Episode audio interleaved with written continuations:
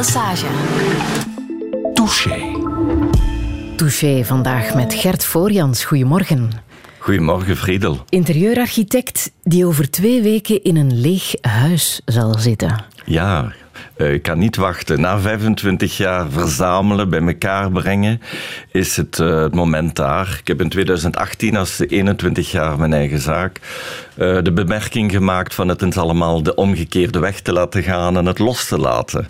En dan kunnen die objecten in zijn nieuw leven te, tegemoet gaan.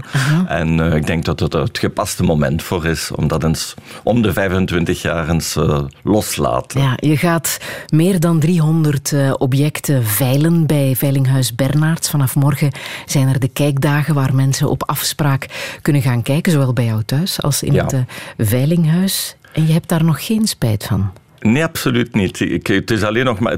De belangrijkste beslissing is al het feit dat je de beslissing neemt dat het allemaal weggaat, dat het allemaal losgaat. Dus voor mij is het eigenlijk nu nog maar een formaliteit eigenlijk. Maar wat wel leuk is, dat we eigenlijk op twee plaatsen eigenlijk tentoonstellen. En dat het misschien ook wel eens fijn is voor de mensen om bij iemand alles in zijn ja. jus, gelijk we zeggen, in zijn context te kunnen zien. Dus, en het gaat allemaal weg. Dus er is geen, geen, geen geheim lijstje van uh, nog uitverkozene zaken waar ik mee verder ga. Het gaat allemaal. Ja. Behalve mijn boeken. Uh, die blijven op een schaffe staan. Ja. En, uh, maar al de rest, ik, je kan het niet half doen. Je moet het ook dan voor, voor het volledige loslaten. Past ook bij jouw levensmotto, hè? Blijven doorgaan, nooit ja, ik stoppen met starten, nooit starten met stoppen. Ja, maar ik vind dat die, die prachtige objecten en, en kunst en voorwerpen en, en gebruiksvoorwerpen allemaal fantastisch. En, maar het mag ook niet blijven domineren. Of het mag niet alleen maar... Ik wil eigenlijk terug een wit papier, white canvas, gelijk ze zeggen, groot wit vel.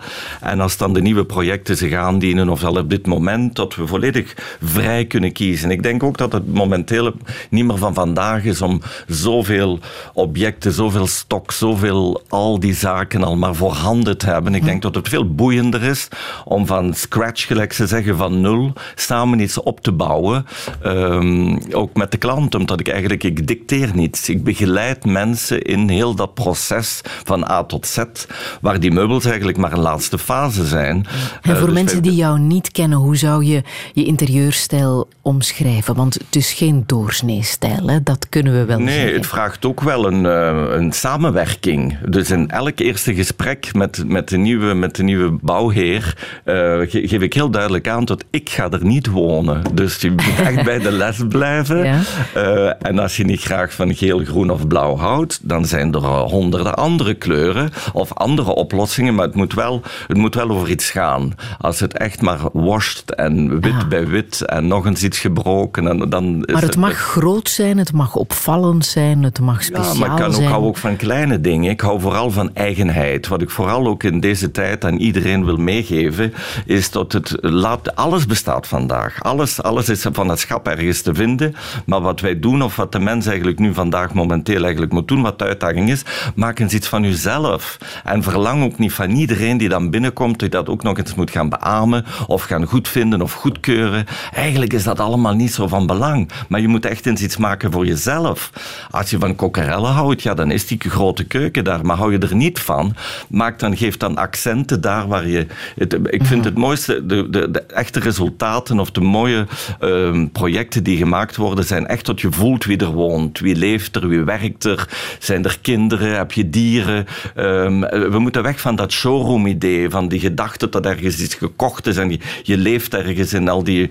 Dus ik, vind, ik ben heel hard voor eigenheid. En hoe zit het met jouw eigen eigenheid? Hoe zou jij jezelf omschrijven? Ja, ik ben wel vrij. Ik stel mij daar allemaal niet zoveel vragen bij, omdat ik eigenlijk wel altijd misschien wat averechts en altijd mijn eigen um, gevoel gevolgd heb. En dat ik ook niet er te bang voor ben om, uh, om eens een kleur toe te passen of iets. Het is ook maar, het is ook maar een kleur. Ik bedoel, uh, who cares? Ik bedoel, achter, je zet er, een nieuw, zet er iets anders overheen. En ik bedoel, zo, het is vooral in, in je gedachten dat je vrijer moet zijn, dat je vrijer... Maar ik heb daar een heel positief oog op. Ik vind dat die nieuwe generatie ook die er zit aan te komen, komen tot we er allemaal losser en vrijer mee omgaan. Het hoeft allemaal niet van ja, die, de, de grote namen. En ik hou ook niet van brands, niet van namen, signaturen, van, van Italiaans designmeubilair. Eigenlijk hou ik daar niet van.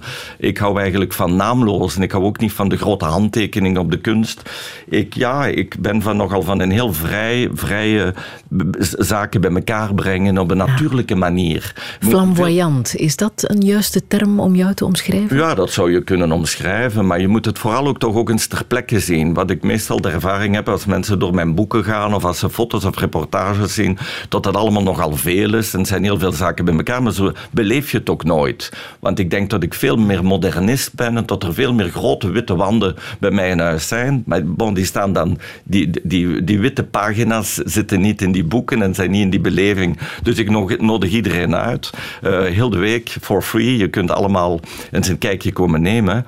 Um, flamboyant kan zijn, maar ik hou van karakter. Ik hou van grote stukken of van zware stukken, maar evengoed van kleine stukken. Het moet vooral iets zijn. Ik hou niet van doorsnee en van de middenmoot en, van, en vooral ook niet te braaf. Het mag ook wel een, een, een smoel hebben, gelijk ze zeggen. Het moet wel iets zijn. Raakt het jou als ze jou omschrijven als een van de honderd beste decorateurs ter wereld? Oh, eigenlijk moet je daar niet bij stilstaan. Dat is natuurlijk een leuk compliment na zoveel jaar. Maar ik heb daar ook jouw plekje. Hè. Ik, dat, dat zijn facetten en heel veel categorieën en onderdelen in. Maar we hebben allemaal fantastische collega's. En uh, je, je, moet, eigenlijk moeten we niet vergelijken. Maar het is wel mooi dat ze dat dan meegeven. Maar uh, wat ik ook zou willen aangeven is, er is niet één goede oplossing. Wat ik doe is één, één facet. Heel veel mensen denken dat er maar één oplossing is. Maar dat is niet. Ik hou van ah. moderne architectuur. Ik zou nooit, ik hou niet van retro of nostalgie. Of, eh, dus ik hou, als je vandaag bouwt, moet je actueel bouwen. Je moet eigenlijk voor de toekomst bouwen. Wat wij nu toevallig doen, mijn, mijn, mijn facet is veel meer uh, renoveren, herwaarderen. Dus ik ga nooit een prachtig oud pand uh, renoveren en alles tabula rasa en de deuren en de schouwen en alles weghalen. Daar wil ik ook niet zeggen dat we willen snillens en zaken moeten vasthouden. Als er zit, waren ook lelijke dingen in het verleden ook. Die mogen er dan ook wel uit. Als het niet, uh, Maar ik vind niet, dan moet je maar een, volledig modern, nieuwe architectuur. Vind ik ook heel, heel, heel boeiend. Ja. Dus er is niet één goede oplossing. We hebben een zin in de ene dag in dit en de andere dag in iets anders. We werken soms drie projecten voor dezelfde klant. Dat zijn drie totaal, uh, totaal verschillende resultaten. En daar hou ik van. Je bent vreemd genoeg een man zonder Wikipedia-pagina. Ik vind dat we daar vandaag iets moeten aan doen. We gaan dat dan Gert Florians, welkom in Touché. Radio Friedel Lassage.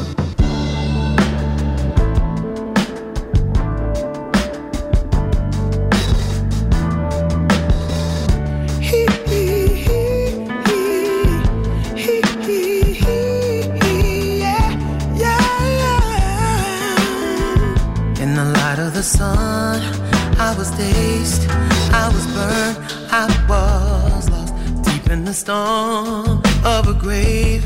Had a bed as a coffin. You were only the one that made me fulfilled. Only the thing that made me reveal.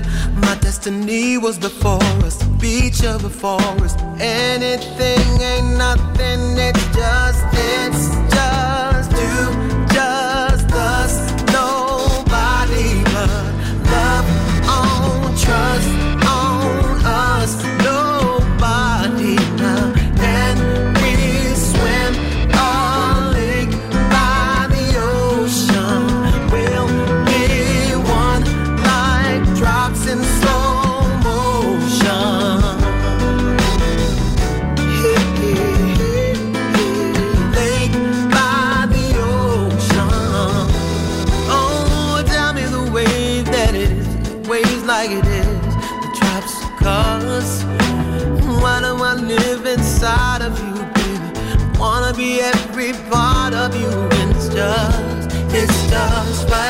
It's just like we can be strong, we can wait, we can live for so long. Live in a flame where we'll never burn. No one could ever, ever return. You are the reason I'm on you, reason I love you. You're the thing I need, cause it's just, it's just you,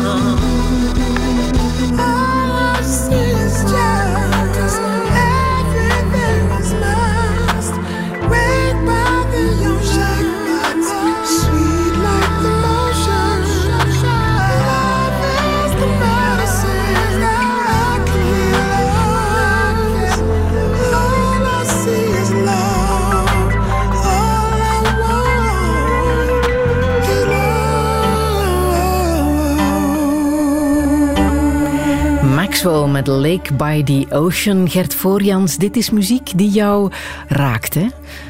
Ja, ik ben misschien ook wel, dat is eigenlijk typische muziek, want ik ben toch eigenlijk opgegroeid in een tijd of mijn studies en, en aanvang eh, van mijn uh, beroep eigenlijk, was het allemaal met de tekentafel te doen. En daar moesten uren en uren en uren getekend worden. Dat kunnen we ons vandaag niet meer voorstellen, dat is precies iets vanuit de prehistorie. Maar dat was dan ook wel zo typische muziek waar je dan ook wel heel rustig en lang en heel veel, dus dat is eigenlijk, Ja. dat, die periode komt dat tot dat dan eigenlijk, ik kan niet zeggen background muziek, maar dat geeft wel zo, daar kun je eens goed stevig aan mee doorwerken eigenlijk. ja. Gert Voorjans, eh, je bent nu als interieurarchitect op een moment gekomen waarop je je hele inboedel de deur uit wilt. Die wordt eh, geveild. 368 objecten die gaan de deur uit en zijn te bezichtigen bij het Veilinghuis eh, Bernards. Trouwens ook via de website natuurlijk hè, kunnen mensen kijken wat daar zoal tussen staat.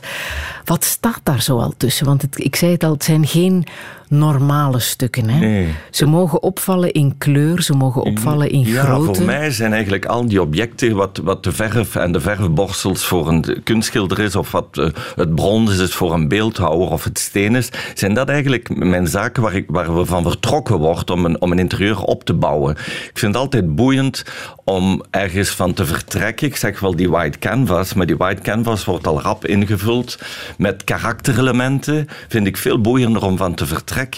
Maar nu heb ik mij veel meer ingenomen tot het, uh, het hoeft allemaal niet meer, die objecten hoeven niet meer van mij te komen. Het kan fantastisch zijn tot een klant een waanzinnig tapijt heeft of een schilderij of een andere sculptuur en tot je daarvan... Dan zegt, kan je de rest van het interieur daar rondbouwen. Ja, dat, het, het, het, maakt het uiteindelijk het resultaat veel echter. Ik hou niet van gedecoreerde decor. Mijn inspiratie is eigenlijk ateliers, uh, eigen, op een organische manier gegroeide interieurs. Mm -hmm. En die krijg je toch veel vlotter en veel mooier en interessanter. En het moet ergens een ruggengraat hebben. Anders is het mij te flauw. Daarom hou ik niet van een winkeltje waar het zo alles uit een catalogus. Ik hou, ik hou niet van catalogen en bestellen. En ik vind iets prachtig. Maar als ik het al in een catalogus zie en je kunt er 50 stuks van bestellen, vind ik het niet meer interessant en niet boeiend. Dus nu laat ik dat los. En wat zit daartussen? Ja, de meest gekke dingen. De meest, uh, ja, wat is voor jou het meest gekke voorwerp? Ja, daar zit, daar zit apen, een aap tussen in leer. Of een uh, grote sculptuur, uh, levensgrote. Ja, um, het zijn er meerdere. Ik kan, kan er niet één en uithalen, want ik denk dat ze allemaal, zeker voor mensen van buitenaf, er is overal wel iets geks aan. Of, uh, plus, ik doe er ook andere dingen mee. Um, een schilderij ik, ik, hoeft niet noodzakelijk aan de muur. Dat nee, kan ook een schilderij aan het kan ook heel vlot aan het plafond. dus daar hebben we allemaal geen schrik van. En ik vind dat raar dat iedereen er zo raar op reageert. Want iedereen die toch ene keer ooit in Italië geweest is, ik bedoel, daar hangen alleen maar de schilderijen aan het plafond. Maar die connotatie wordt dan toch niet gemaakt bij ons. Terwijl voor mij was het eigenlijk, ik heb dat nooit niet abnormaal gevonden, eerlijk gezegd. Ik doe ook grote zonnespiegels. Of, ik vind het, allez, het moet, de, de, de oog moet kunnen reizen eigenlijk in een ruimte. En die moet boeiend blijven. Het moet je wakker houden eigenlijk. Maar je doet alles van de hand voor hetzelfde geld had je kunnen zeggen: ik bewaar die collectie en ik stel ze tentoon. Ik maak er een soort Nee, dat vind ik niet interessant. Van. Voor mij moet het leven, want het is ook nooit bedoeld wat je nu ziet bij mij, totdat die zaken bij elkaar gebracht zijn. Die zijn niet bedoeld om samen te zijn. Die hebben zich daar gevonden en die zitten er eigenlijk in een. Uh, klaar om in. Uh, die zitten in een vertrekhal eigenlijk. Terug om. Ik geloof in energie van objecten. Ik geloof dat je twee. twee uh, meubels of twee eh, elementen bij elkaar kunt brengen en tot dat totaal iets anders wordt. Die ook nooit niet, ik breng ook zaken bij elkaar die nooit niet bedoeld waren om bij elkaar te zijn. En dat vind ik nu net het boeiende aan heel. Maar dus, het kan niet daar blijven staan. Het moet de gang gaan. En het moet, dus eigenlijk zie ik het een heel organisch gebeuren. En die beslissing is, ik heb er ook eigenlijk niet zoveel moeite mee. Uh, dat gaat nu een ander leven gaan. En, ik, en, uh, en dat moet het ook hebben. Vanaf tot het blijft staan en tot je er iets mee pretendeert te, te, te, te, zijn of te laten zien, dan is het als een doel voorbij, vind ik. Ik vind het veel boeiender tot nu. Er zijn er zoveel nieuwe collega's en nieuwe generatie van mensen die ik denk die er fantastische dingen mee kunnen doen. Dus alles gaat. Alles gaat. Dat gaat veel kosten, hoor ik mensen nu al denken. Is dat zo? Zijn het dure stukken? Goh, eigenlijk, we hebben het is zo laag ingesteld, omdat het misschien ook wel een trigger is voor de, het veilingswezen. Werkt meestal zo natuurlijk, om het allemaal wel heel interessant mm -hmm. te maken. Uh, dus ik denk dat dat alles behalve duur is, want het is, het, ik heb ook geen limiet gesteld, naar beneden toe wil ik zeggen. Weet jij zelf nog hoeveel de stukken hebben gekost? Hoeveel je zelf hebt betaald? Dat gaat nooit gebeuren, maar die beslissing moet je nemen. Je moet daar abstractie van maken. Omdat het, uh, je maar moet, dat weet je wel nog. Als je ene keer, ja, absoluut. Van elk stuk. Ja? Maar je moet na 25 jaar, dat is, gaat over iets anders nu. Nu, moet, nu is het voor mij veel meer waard om het, het, feit te zeggen van voilà, het gaat nu. En ik voel nu al een nieuwe energie komen en andere elementen. Je krijgt andere kansen en andere mogelijkheden daardoor. En, uh, dus ik heb er absoluut geen schrik van. Maar het moet dan ook allemaal gaan. Dus dat gaan... Want waar heb jij zelf al die stukken gevonden? Ben jij iemand die op rommelmarkten uh, ja, te spotten valt? rommelmarkten vandaag. Mijn klanten zitten nu niet meer echt niet meer te wachten op een stukje van de rommelmarkt. Maar dat, kan, dat is wel een leuk idee dat de mensen mij zo graag omschrijven. Van dat het een niknak van hier of een niknak van daar. Maar er zit toch altijd nog een boeiender verhaal achter. En natuurlijk, na zo lang in dit vak te zitten, heb je natuurlijk ook wel een soort van groep mensen rondom jou heen. Die ook wel, omdat mijn, wat ik zoek of waar ik mee werk, toch ook wel atypisch is en ook wel herkenbaar. Dat ik toch ook heel veel aangeboden krijg of dat we ook wel meer aan de bron. Het is nu niet meer dat het toch met... Uh, en het zijn ook niet de schatten van grootmoeder op zolder. Dat, nee, het moet, moet dit toch allemaal iets meer ruggengraat dan... Uh, ook al geven we er hele naturelle, hele easygoing, precies of het allemaal heel makkelijk en maar zo, zo eenvoudig is het eigenlijk toch allemaal niet. Maar straks over veertien dagen is dat prachtige grote pand aan ja, de Leopoldplaats in Antwerpen uit, dat, dat, Helemaal dat is een heel leeg. mooi, het is een heel mooi volume ook leeg Ja. hoor. Uh, Ja? Want dan, ja, het zijn mooie proporties. Mogen, ja, het is heel lang gewoon wit gekalkt en wit. Ik kan niet wachten tot het. eh, ehm, of het heel lang wit en, en, Want wat, leeg weet je, over, blijven, wat, weet je over dat pand waar je nu Ja, woont? het is eigenlijk het is een pand op mijn lijf geschreven, als ik het zo mag zeggen. Want ik hou van hoge plafonds, mooie houten vloeren. Uh, maar ik hou niet van het te 19e-eeuwse keurslijf met de dubbele deurtjes en te veel te tirlantijnen plafonds en poetjes. En, en, uh, dus wat hier fantastisch aan is, eigenlijk ben ik in dat huis terechtgekomen door zijn interbellum. Dus tussen de twee wereldoorlogen is eigenlijk die volledige façade omgebouwd, omdat het een diamantslijperij was. Antwerpen is eigenlijk ja, het, Mhm. Het centrum in de wereld voor uh, de, de diamantslijperij. En daarmee zijn die uh, atelierramen daarin gekomen. En dat is eigenlijk wat fantastisch voor mijn aanpak van... Ik hou enorm van die moderniteit, van dat modernisme. Um, dat, de contrasten, gelijk ik werk met objectencontrasten, heb ik ook het contrast dat ik eigenlijk een heel klassiek huis heb met een modernistische gevel. Dus eigenlijk was het voorbestemd. Ja. Don't know what you're gonna do. Don't know about me. One, two, three, let's go. Tell me where you want me to. So get around me. So run for the gold, run for the money, run for the infinity. We'll never return and be free. about every time I come around. There's too many little things they know about us. Oh, I can't play. And I don't wanna be afraid, babe. That's not the way. I'm the one, so baby, don't pretend.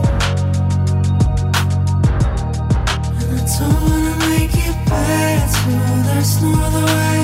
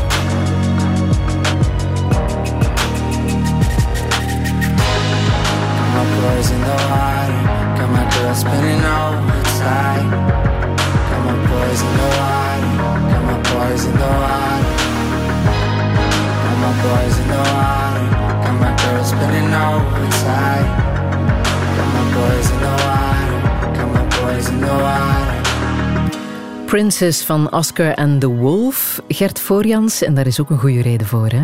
Ja, een heel mooie souvenir aan. Eh, we hebben een, een heel mooie voor Town and Country in de US een hele mooie kerstreportage gehad. En daar was hij dan ook een onderdeel van als eh, ja, sterke figurant met Anouk Lepère en, ehm, en een chef-kok. eh, de La Falaise. Dus dat was wel een hele mooie samenwerking. En daarom heeft hij altijd een beetje een aparte plaats in mijn, in mijn hart eigenlijk. Ik vind ook hem ja, boven, echt uitsteken vind ik. Het is zo on-Belgisch eigenlijk. Ik vind het een Hij heeft een fotoshoot gedaan Ja. bij jou in het eh, Ja. interieur. Ja. Ja, je kan geen betere plek hebben natuurlijk, hè? Nee, en ook geen betere. Hij is ook een, als je spreekt van flamboyant of van eh, een eh, ja, groot karakter en persoonlijkheid. Dus het, eh, hij past wel in het, In het in het decor. kader. In jouw decor. In wat voor decor ben je zelf grootgebracht? Wel, ehm, ja, de- ze zeggen de appel valt niet ver van de boom. Ik ben wel in een meubelzaak opgegroeid in Stockholm. Pittoresk eh, stadje, als we zeggen wij graag, het is een dorp, maar een stadje aan de Maas. En geboren en getogen tot mijn 18 jaar en dan eigenlijk eh, vertrokken en nooit meer teruggekomen. Wat niet de bedoeling was, want het was wel toch ergens de bedoeling tot er, ik heb een broer, dat een van ons twee wel in die meubelzaak, waar ze toch al een paar generaties aan aan het timmeren waren, daar gingen en verder doen, maar dat is dan niet gebeurd. slechte stoel, hè? Meneer Voorjans. het toeval wil dat de, dat de stoel even tegenprikkelt Ja. in, eh, in de studio. Ehm, maar dus, een- jouw vader wou heel graag dat een van de zonen Ja, dat wou zou graag. Hij deed dat ook met zijn familie. Maar eh, ze waren ook wel eh, eh, open en ze hebben ons ook wel vrijgelaten. En ook wel heel duidelijk gemaakt dat elke generatie voor zich moet uitmaken waar, voor- waar je voor wilt gaan en waar je wil. En ik, wou heel, ik doe eigenlijk exact hetzelfde wat zij doen. Alleen is die winkel er voor bij mij niet bij en die zal er nooit bij zijn, omdat dat een element is wat ik een beetje een... Ja, je zit aan te wachten of een... eh, Dat is voor mij wat een stoorfactor. Ik, heb, ik zie het ruimer en uitgebreider en meer diepgaander dan alleen, maar dat verkopen is mij ietsje te beperkt. Ik wil er toch meer een, eh, een verhaal rond maken en ook de, de bewoner en de klant er veel meer bij betrekken dan En alleen maar hoe was het voor jou als kind om in zo'n meubelwinkel op te Ja, groeien? ik ben natuurlijk heel jong daar aan de slag gegaan. Hè. Ja? Dat kan u wel voorstellen dat ik me daar ook wel enorm in geamuseerd heb.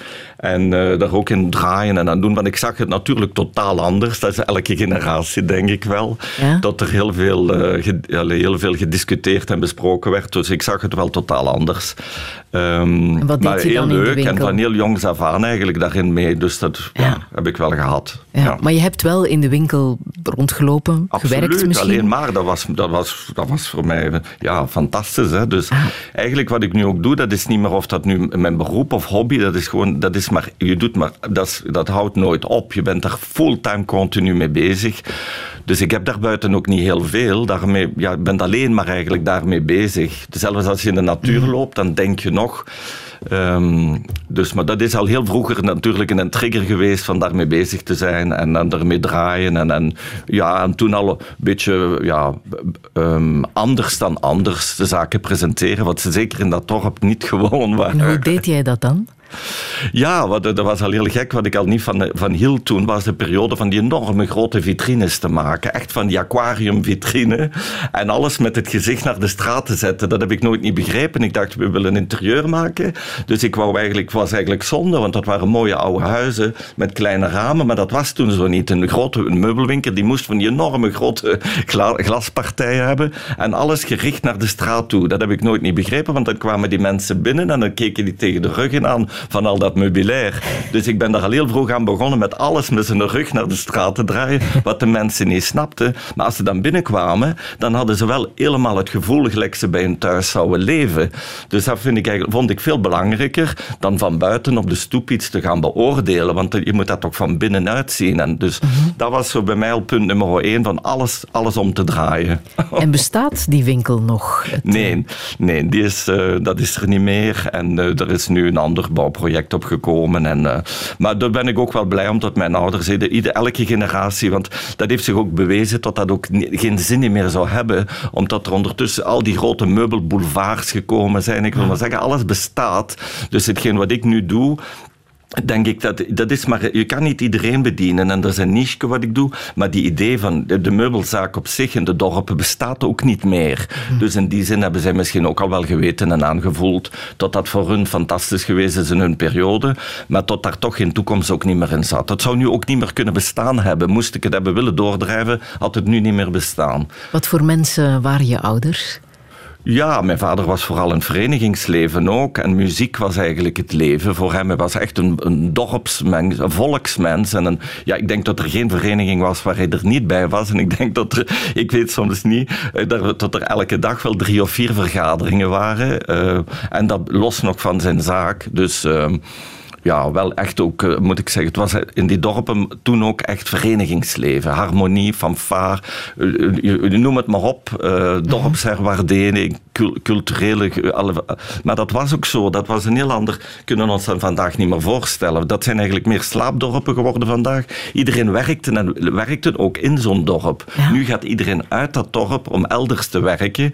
Dus heel dat idee van winkels en cafeetjes en, en dat is allemaal verdwenen eigenlijk omdat die dorpen zijn totaal anders geworden. En je moeder, wat voor iemand is zij? Mijn moeder was mee in de zaak en... Uh, ja, wat kan ik daarvan zeggen? Ook iemand heel hard in, de, in het. Uh, ja, het waren eigenlijk een, een, een, koppel die heel hard mee in het, uh, in het dorp verweven waren. Dat was zo, je was geëngageerd. En, uh, maar jij wou er weg. Ja, ik wou weg. Ik wou weg. Ik wist dat al heel vroeg. Ik wist ook al als ik negen jaar was dat ik op mijn twaalfde ergens in een kostschool was. Ik wou wel weg. Ik, ik ben ook weggelopen al als ik drie jaar was. En mijn broer en waar gevraagd, waar, waar, ga jij naartoe? ik, ik, ga, ik ga naar school. Ik zeg, pak mij mee. Hij zeg, want ik, ik, heb het hier gezien. Toen was ik drie jaar. um, en wanneer ben je echt vertrokken? als ik 18 was. Ja, waar naartoe? Dan ben ik vertrokken. Binnenhuisarchitectuur gestudeerd in Hasselt. Uh, dat is vier jaar.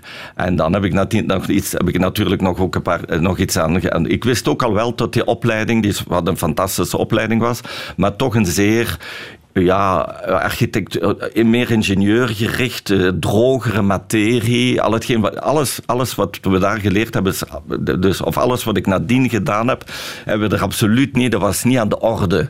Eh, kleur, decoratie, die manier. Het was eigenlijk een andere opleiding. Dus ik wist wel dat ik nadien nog iets moest aan toevoegen. En dan heb ik eigenlijk in Siena en in Florence uh, Styles and Art en kunstgeschiedenis en Italiaans gestudeerd. En nadien nog eens een jaar. In, uh, omdat ik wel een, doel voor ogen had. Dat ik toch veel meer met objecten. En, en, en misschien is die opleiding ook echt wel voor mij heel van, van belang geweest. omdat ik veel verder wou gaan dan alleen maar. Dus ik moest ook eigenlijk die background van die objecten en die kunst wou ik wel weten. Dat ik wel wist ook in mijn toekomstige klanten. Dat ik hun wel kon op heel juist bedienen. -hmm.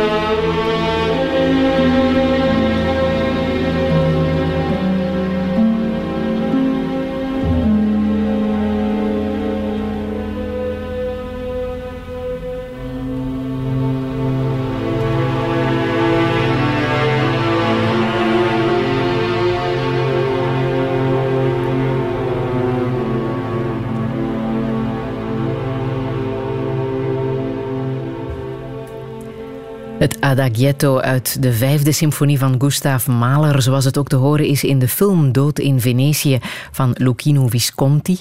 Het uh, verhaal waarin de wereld geteisterd wordt door een cholera-epidemie. Ja, trouwens. Ja. Gert Voorjans, ja, uh, Venetië, dat kan bijna niet anders, hè, dat dit ook tussen jouw platenkeuze moest zitten. Dit is vooral voor mij een herinnering aan de periode in Italië. En dan ging ik heel veel van Siena naar Florence. Dat is zo'n 70 kilometer. En dat was echt met zo'n bus, gelijk je nog een bus toen voorstelde. Dus dat is toch wel een ritme door dat prachtige landschap. Um, en dan, dus ik hou ook heel erg van radio. Want dat was ook met de keuze van de muziek voor vandaag. Um, mensen denken alles te moeten regelen. En ik wil die muziek horen en die muziek horen maar ik ben ook graag iemand die die radio opzet en dan eens verrast wordt door... En dan heb je on, ongelooflijke indrukken. Dus die muziek had ik die zelf moeten opzetten. Nooit zo'n indruk gehad. En terwijl als je in zo'n bus door zo'n landschap gaat en ineens komt dan zo'n muziek, dan moet je ook wel voor in Italië zijn, denk ik, voor dat dan te horen. Ik weet niet of je dat hier, of ze mhm. dat hier op de bus ook zo laten horen. Maar dat maakt dan ook een stempel die je dan... Uh, dus de, vandaag heb ik er wel een ongelooflijke herinnering aan. Ja. In Siena uh, is jouw oog gevormd, zeg je zelf. Hoe heb je daar naar de dingen wat leren ik, wat kijken? Wat ik vooral heel belangrijk vind, en dat is, wil ik misschien toch ook eens benadrukken. Um, je kon voor één werk naar het museum gaan en je kunt morgen teruggaan om naar datzelfde werk te kijken. En dat vind ik een totaal andere manier van musea bezoeken. Dat zou ik ook iedereen willen aanraden, maar hier ook in België of overal. Je kunt ook niet naar het Louvre gaan en denken, ik bezoek nu dat Louvre. Nee, maar ik vind het daar heel belangrijk. Als je toch ter plekke bent, ga eens voor één werk en ga daar misschien een paar uren voor. Ik denk dat je er veel, veel, veel meer van leert dan honderd werken te willen zien en er doorgelopen te hebben en te zeggen, ja, het Louvre heb ik nu gezien. Je hebt dat museum nooit gezien. Je moet daar. En dat vond ik fantastisch. Als je er ter plekke bent, nadien ook in Londen, in de National Gallery, gewoon elke dag daar naartoe. Um, en dat denk ik dat boeiend is voor iedereen. Um, niet, je kunt dat niet uh, alles ineens bevatten. Je bent naar Axel Vervoort getrokken hè, met alle bagage die je had opgedaan in uh, Italië en Ja, dat en wist Londen. ik eigenlijk ook al heel, heel vroeg. Ik denk dat ik 16 jaar was als ik dat voor mijn eigen had uitgemaakt. Dat je voor uh, Axel Vervoort Toen de wou voorloper van TFAF was in, uh, in Valkenburg, Pictura, Pictura heette dat. Dat was eigenlijk gespecialiseerd.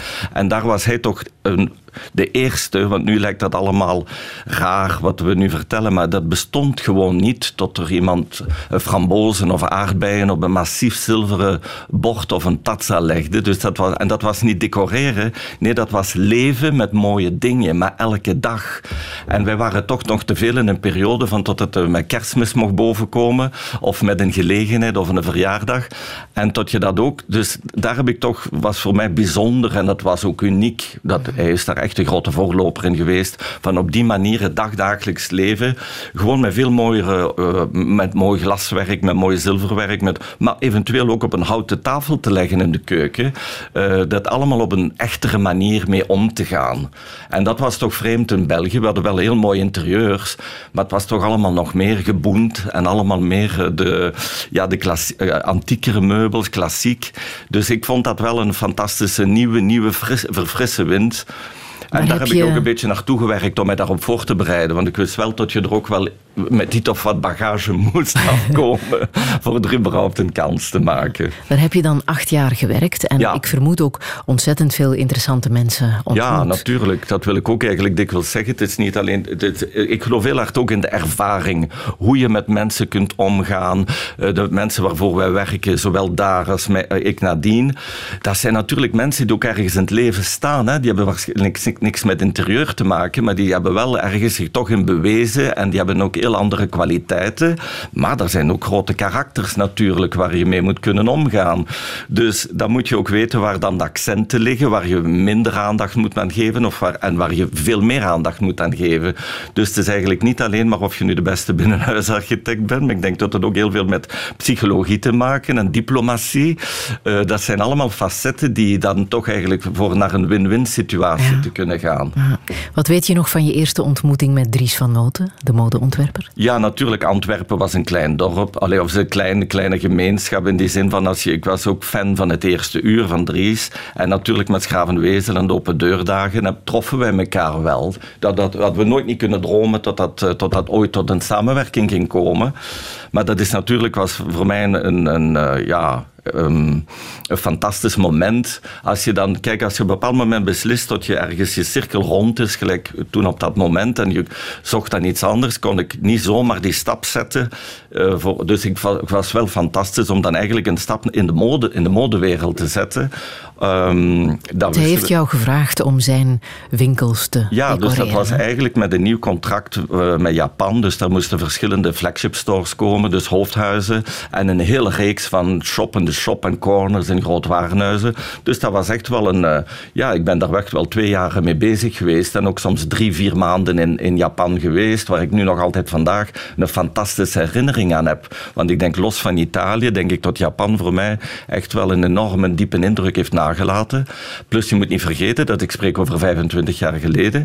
Dat was Japan ook veel meer, nog meer, wel, uh, nog meer geïsoleerd. En daar had je alleen het centrum. Centrum stond er nog een beetje in het Engels, maar ging je er buiten. We hadden altijd toch wel een tolk of iemand bij nodig, want je mhm. kon daar nergens in functioneren. Het was nog volledig nog niet zo Engels als vandaag. Dus dat zijn toch wel unieke ja, momenten geweest en een fantastische periode die mij gebracht hebben vandaag. De opening van, van zijn winkel in Parijs was voor jou een hoogtepunt. Ja, dan kan je natuurlijk het verschil zien tussen wat, uh, als ze zeggen een window to the world, tot Parijs echt wel een venster op de wereld is.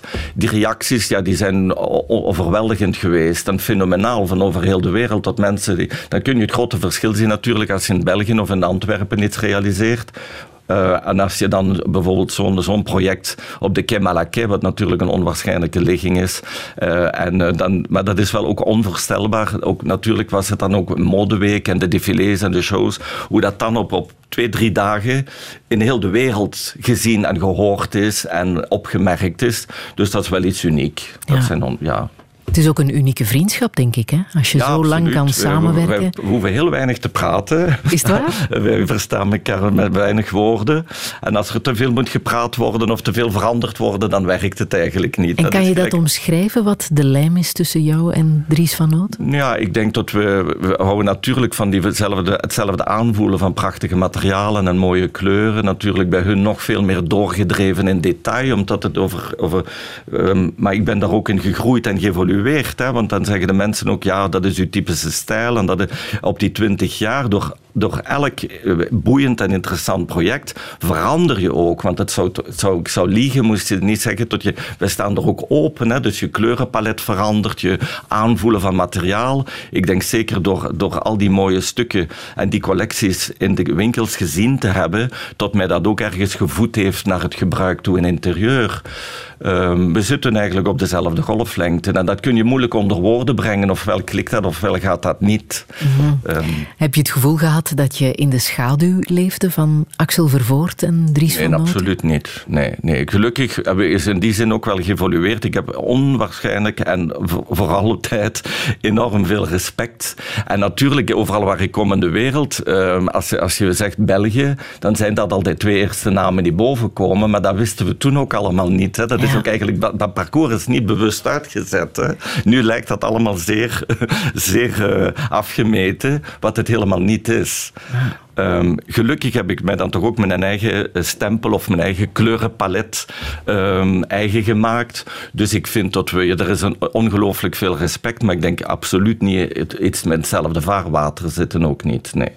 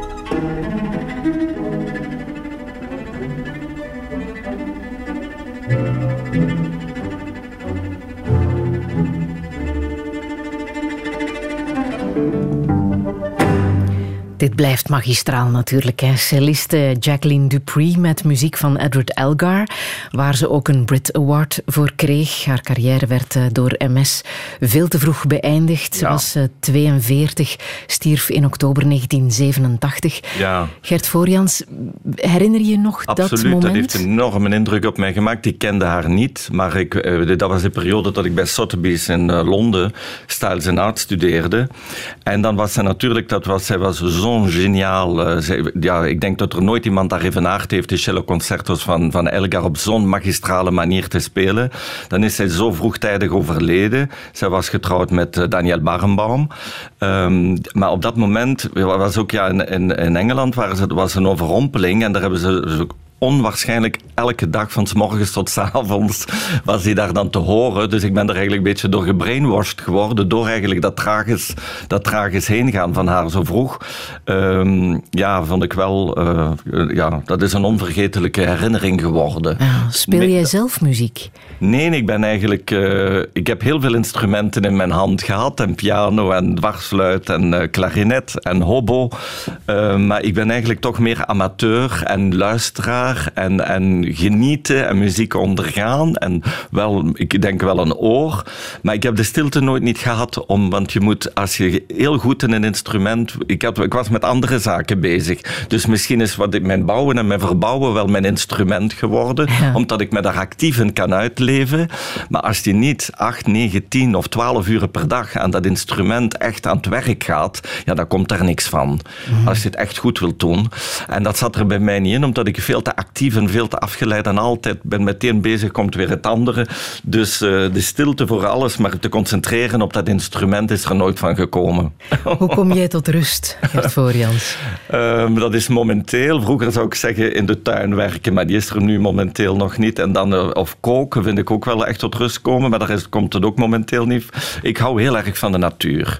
Maar dan de natuur niet ergens in een klein stadspark, echt wel de, echt de, de bossen, woud, grote bomen, dikke bomen, uh, de Ardennen of ergens wel. Ja, dat is voor mij echt wel op een halve dag kan ik er volledig van uh, terug herkomen is ook wel nodig uh, als uh, ja, tegenhanger. Want we zijn toch veel in steden en op luchthavens en veel in uh, beton en glas en metaal.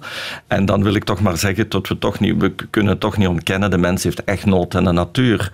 En ik denk zeker ook in deze periode die zo onvoorspelbaar was nu in 2020, dat je dat ziet dat de mensen heel rap terug naar groen planten, ter, groen en, en daarmee bezig zijn en buiten zijn. Dat dat echt toch wel een element is wat we niet mogen ontkennen we zijn onderdeel van de natuur. En dat is zinloos om dat eigenlijk te ontkennen. Je hebt een plekje gezocht ook in de ja, natuur. Ja, absoluut. Dat is ineens op mijn wonen? pad gekomen. En dat is een leuk, een heel, aan een heel mooi domein. Een prachtig aan het Lozerbos eigenlijk. Dat is 40 hectare. Prachtige beuken, beuken, bomen, bos. Fenomenaal. Het zijn echt gelijk kathedralen, dreven, beuken, beuken van beuken. Uh, echte avenues, grote, grote lanen. Prachtig. Dat is in Kruishoutem. En is dat al ingericht? Dat wordt een non-inrichting. Hoezo? Uh, ik ga nu stoppen met. Ik ga nu laten gelijk. De, de, ik, de, ja, de boer zal het verlaten heeft in zijn eenvoud en in zijn. Uh, ja? gaat het minder. Uh, ja, ik vind het ook wel eens leuk om precies bij iemand op bezoek te zijn en het te laten gelijk het is. En ja, natuurlijk, ik ga niet van. geen lelijke borden en geen lelijke glazen, dat, dat wil ik niet zeggen. Maar niet per se weer helemaal naar mijn hand zetten. Dat is een beetje. Op de duur word je zo misvormd om alles wat je nog maar ziet willen te veranderen. En, en nu ga ik precies eens ergens uh, het ondergaan en inwonen. Vind ik ook leuk. Al durven mensen jou wel bij hun thuis uit te nodigen? Als ze weten dat jij zo... Uh... Ja, ik kan, toch niet, ik kan toch niet klagen van de uitnodigingen. maar ik begrijp waar u naartoe wilt. Uh, ja, er is misschien wel een barrière, maar daar geloof ik ook in dat dat ook allemaal soepeler en losser komt en tot de mensen ook wel er doorheen kunnen kijken. En, uh, maar er wordt heel veel wel excuseer en pardon en sorry gezegd dat ik ergens binnenkom.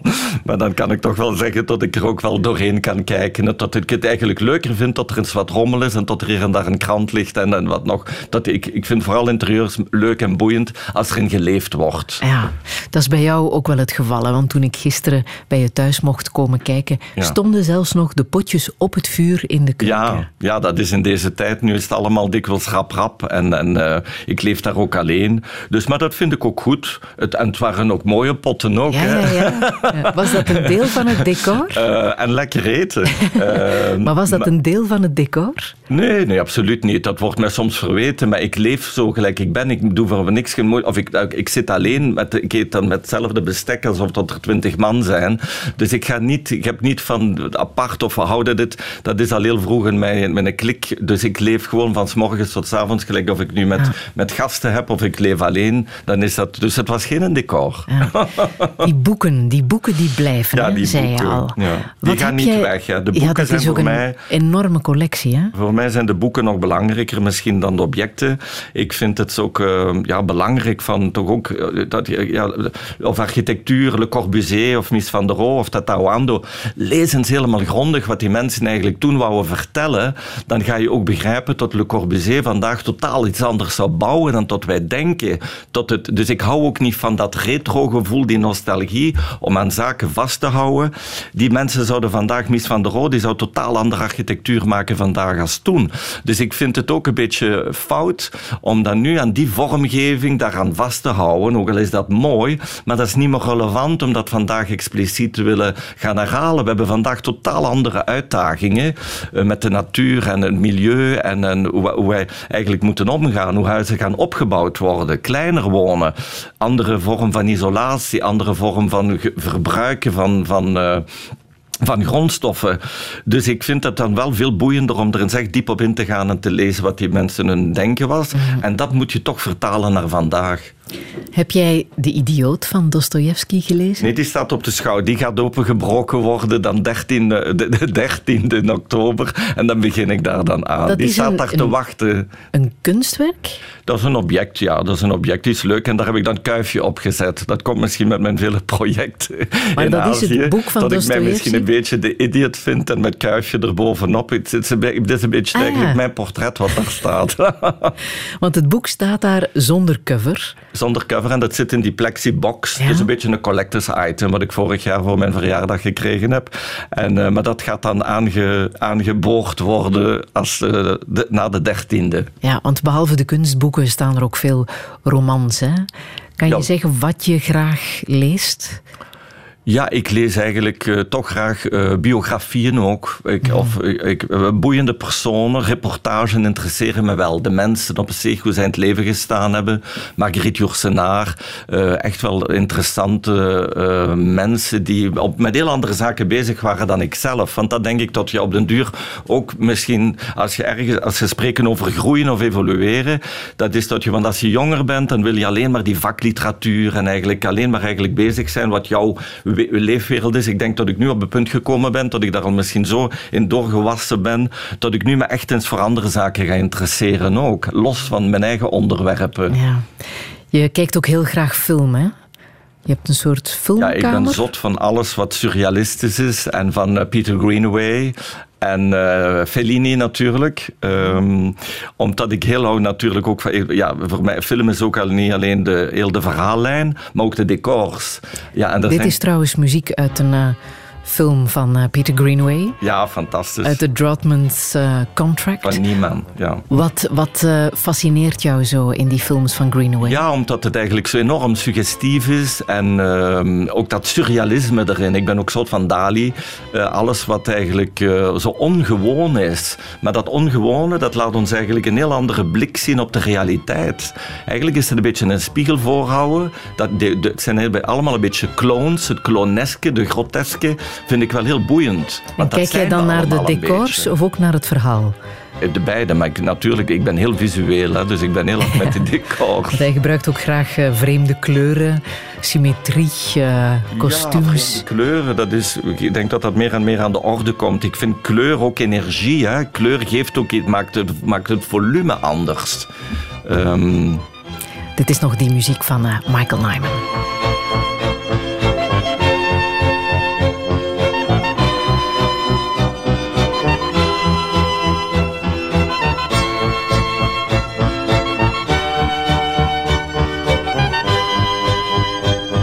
Muziek van Michael Nyman uit The Droughtman's Contract, eh, film van Peter Greenaway. Radio 1. Friedel Lassage. Touché. Touché vandaag met interieurarchitect Gert Voorjans. Hoewel hij zichzelf geen verzamelaar noemt, staat zijn prachtige diamantairshuis in Antwerpen vol met de meest bijzondere meubelen en objecten. Stukken die volgende week bij Bernards allemaal onder de veilinghamer gaan. Om plaats te maken voor alweer een volgende collectie. Zijn liefde voor huizen en hun interieur is een familiekwestie met roots in Stockholm aan de Maas. Hoe lieflijk die plek ook was, Voorjans wou er weg. Hij studeerde in Siena en Londen, heeft een internationaal klantenbestand en creëert de winkels van Dries van Noten over de hele wereld. Maar wie wacht hem thuis op aan het haardvuur?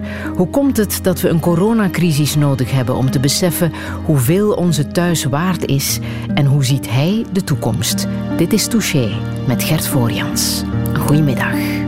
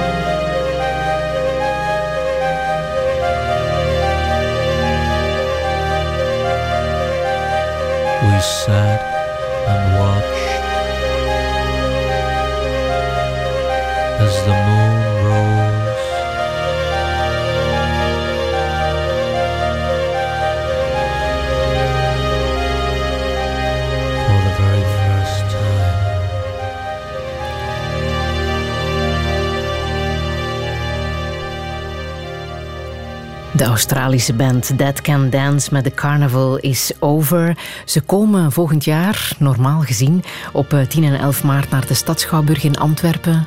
Gert Voorjans, Ja, ga ben je aanwezig kijken? dan. Aanwezig Ja, dan. aanwezig. Aan- ik, ik weet niet of de eerste rij de beste plek is, maar in elk geval wel ter plekke. Ja, van ja. waar die fascinatie voor eh Dead Ja, Can dat heeft Dance? weer te maken met, ik vind het wel een hele myst- mystiek eigenlijk ook wel. Ik hou ook wel van dat, dit soort muziek is echt ook een van mijn favorieten, omdat het ook iets te maken heeft met oerklanken, oermuziek. Dat kan evengoed Iers zijn, dat kan, Scandi- dat kan eigenlijk veel oerelementen. Keltisch zit daarin, dus dat... eh, ik hou wel van die tribe, van die, van die groepen die rondtrekken en die ook iets heel authentiek hebben. Vind ik wel eh, hartverwarmend. Ja. Is er in jouw kokon van je huis plaats voor de buitenwereld, voor het nieuws van buitenaf? Ja, absoluut, zeker. Eh, nu ga ik niet zeggen dat we hebben nu niet het meest boeiende jaar achter de rug om, om elke dag informatie. Op een bepaald moment geeft me dat ook wel wat op. Maar in elk geval, we leven vandaag en je moet ook heel, hard, heel goed weten wat er allemaal gaande is natuurlijk. Eh, dat wens ik ook niet te doen. Eh, ik bedoel, de job moet ook geen vluchten zijn. We, moeten, we leven ook echt wel voor de maatschappij van vandaag. En dat is misschien ook de reden dat ik het nu allemaal op die manier loslaat. Omdat ik heel hard gevoel, het gevoel heb dat we in een hele boeiende... We zitten echt op een scharnierpunt. Binnen dit en 20, 30 jaar, als het zo lang duurt, zal de maatschappij er totaal anders gaan uitzien. Of we het nu willen of niet. Maar die, die verandering houden wij niet meer tegen. En wat verwacht je dan? Nee, wat ik verwacht is, kijk, wat we nu hebben, wij zijn uit een maatschappij gaan komen die we een overproductie, er is te veel van alles, wordt te veel gemaakt. En wat ik nu vind dat er moet gaan gebeuren, is dat we terug in zaken die er al allemaal zijn. Wij moeten gaan herwaarderen, we moeten gaan recupereren, we moeten de duurzaamheid, craftsmanship, dus de drie C's in mijn werk zijn color, character en craftsmanship. Ehm, dat, uh, dat, dat handarbeid, dat moet terug gaan geherwaardeerd worden tot die duurzaamheid er is. Mooiere materialen die mooi kunnen verweren, die verouderen, maar wel mooier worden met een patina, stenen vloeren. Um, dus ik geloof veel meer dat we die richting moeten gaan inslaan. En mijn woord momenteel is global, dat is dat je wel global geïnformeerd bent. Maar alsjeblieft, leef local. Het, hoeft allemaal niet van, van de andere kant van de wereld te komen. Maar laat mensen die mogelijkheden in jouw buurt, die dat kunnen. En we hebben die vaklui. Maar geef die absoluut de kans om, om, om het te doen. En om het, want anders gaat het allemaal verloren. Al die, die ja, heel dat vakmanschap. En dat, daar hebben wij de mogelijkheid toe om die mensen dat allemaal te laten uit te voeren. En we, hoe meer we het laten doen, hoe betaalbaarder tot het ook allemaal wordt. En tot we dat element, dat elitairder er wat weghalen. En dat denk ik dat we voor die uitdaging vandaag staan. Ik denk niet meer dat we een massaproductie moeten aan de gang houden, maar dat we veel ja, naar de echtere zaken gaan. Die, en waarom niet dat je daar ook heel je leven mee doet? Ik geloof niet dat je om de vijf jaar alles moet veranderen en alles moet. Dus ik geloof heel hard dat, we, dat dat de uitdaging is waar we voor staan. Nu, corona heeft eh, de huizenmarkt ook behoorlijk eh, door elkaar geschud. Hè. Mensen zijn nu terug vooral op zoek naar eh, huizen met ruimte, met een tuin. Bieden vaak ook boven de vraagprijs. Kopen zelfs virtueel, gaan niet eens meer kijken. Appartementen aan de kust zijn weer interessant geworden. Grote terrassen. Wat denk jij als je, als je dit hoort?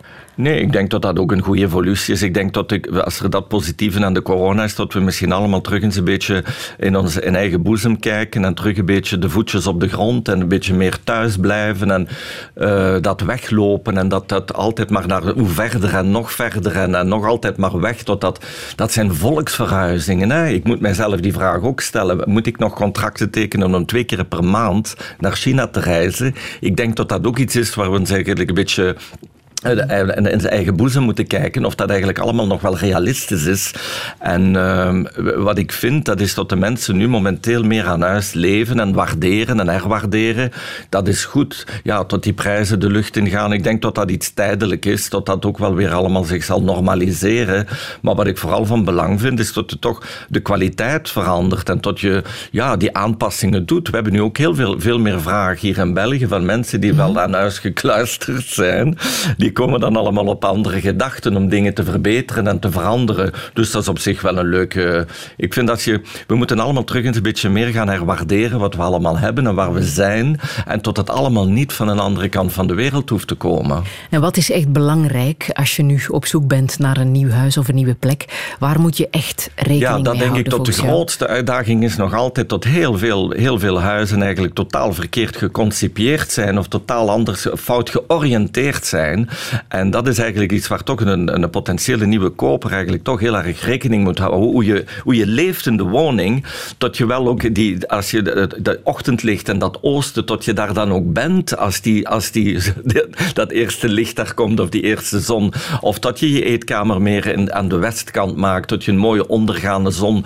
En dat zijn eigenlijk maar kleine elementen maar soms is het door één deur te openen en een ander te sluiten. En dan krijg je een totale andere uh, organisatie in je, in je grondplan. En daar wordt eigenlijk veel te weinig aandacht aan geschonken. Dikwijls wonen mensen vijf, zes, zeven jaar in een pand. Als ze ons inroepen of tot ik er dan kom, dan zeg ik maar twee kleine zaken.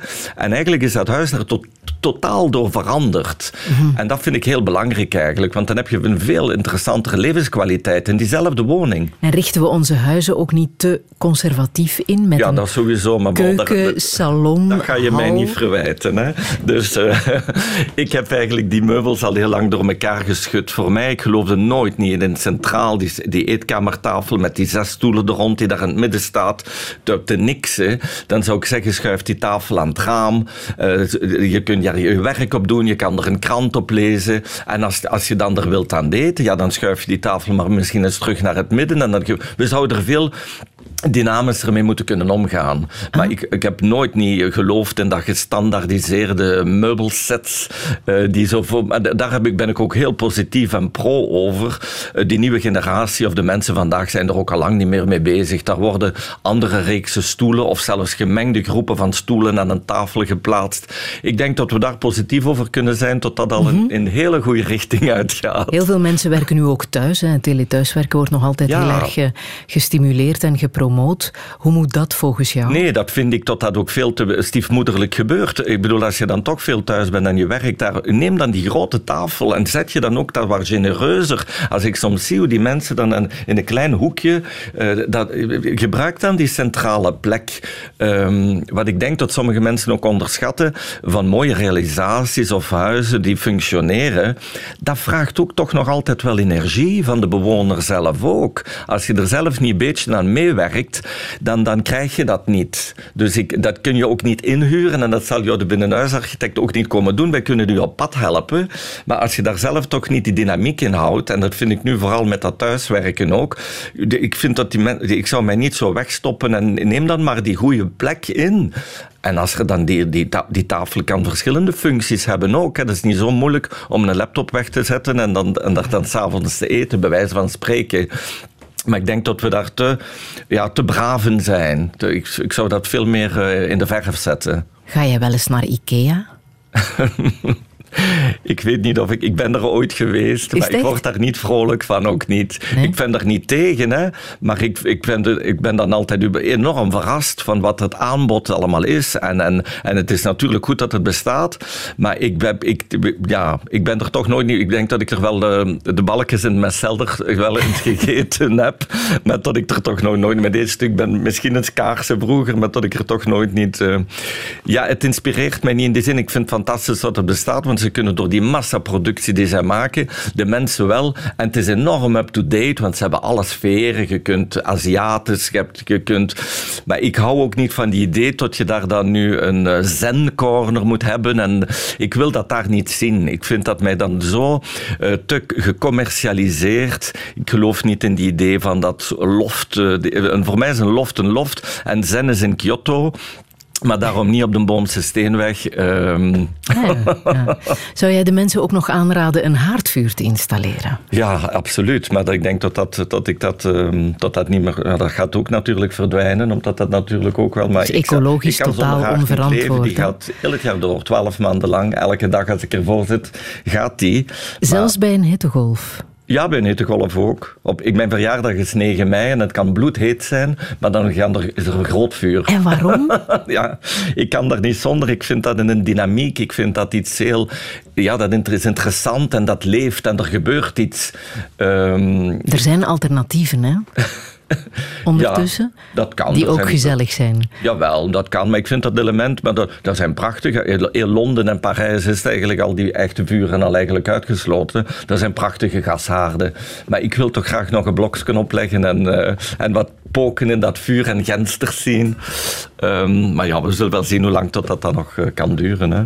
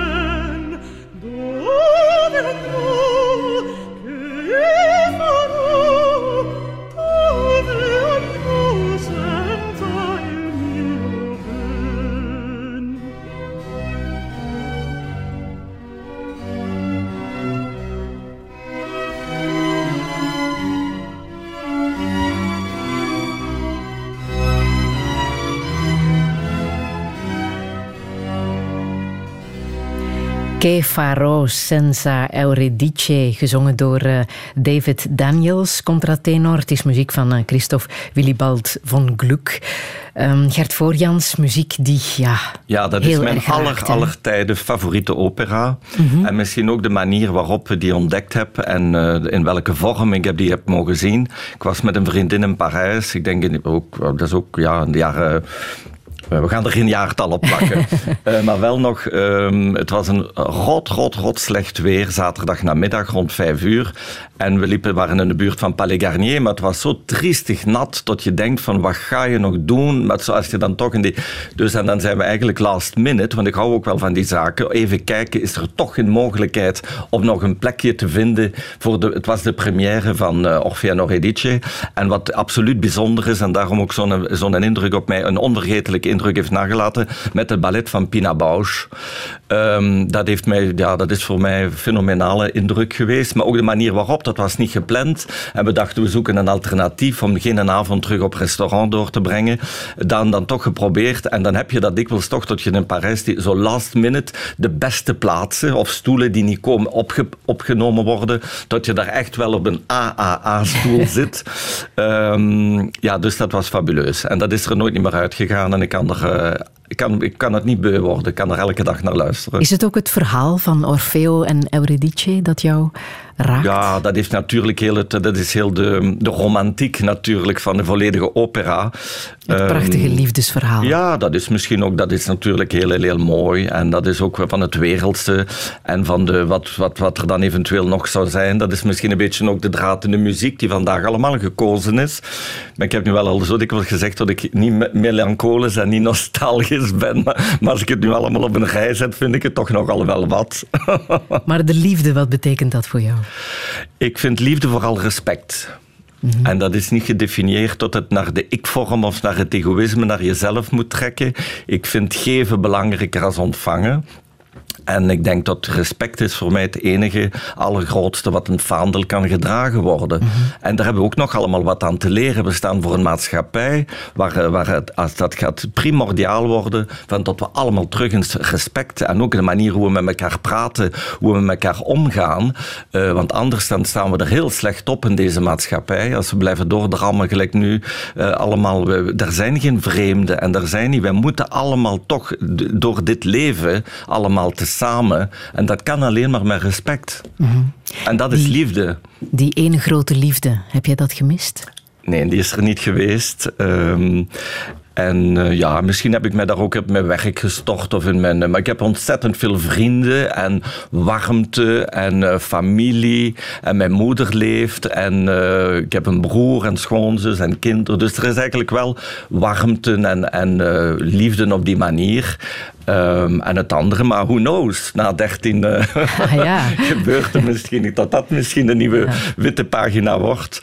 Ehm, Want het lijkt een beetje contradictorisch. Hè? Wat jij doet als interieurarchitect is huizen aankleden, gezellig maken. Ja, misschien is dat de compensatie geworden, tot ik daar zo goed in geworden ben van met plateaus en thee en koffie en koekjes en praline en ovens vullen met eten voor gasten, tot dat misschien de compensatie is van, van het zelf niet op die manier te beleven.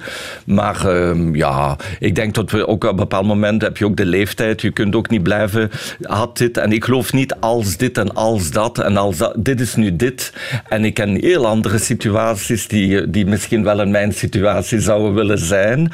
Dus ik geloof dat we daar ook niet flauw moeten over doen. Dat is een bewuste keuze geworden op een bepaald moment. Maar dat kun je ook niet elke dag gaan beklagen en hunkeren en dingen die, die, die er niet zijn, zijn ze. Ik ben er eigenlijk nogal heel nuchter in.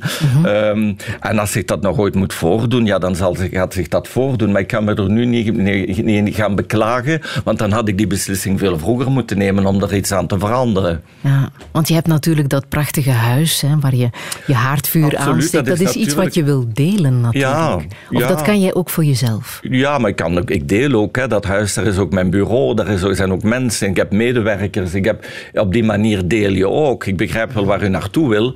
Dat als je, de, de slechte dingen kun je ook niet delen. Maar ik ben daar nogal... Er is elke dag volk genoeg hoor, rondom mij heen.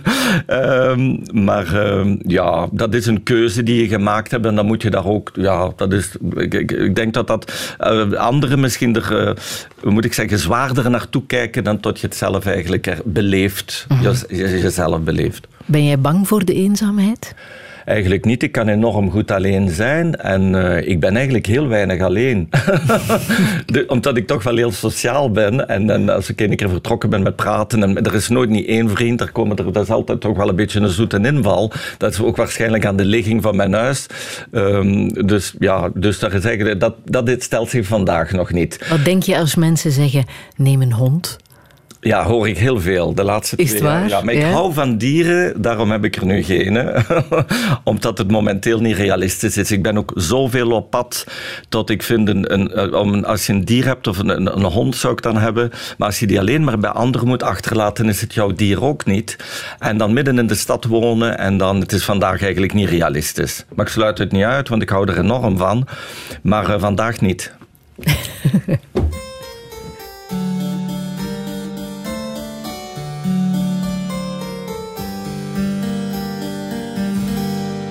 Lay upon your heart, heartstrings to me.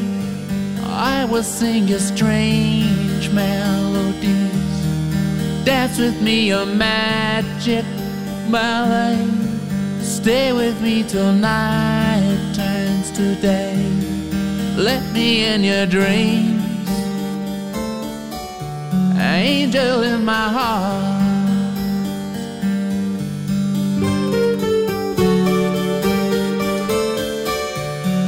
Angel in my heart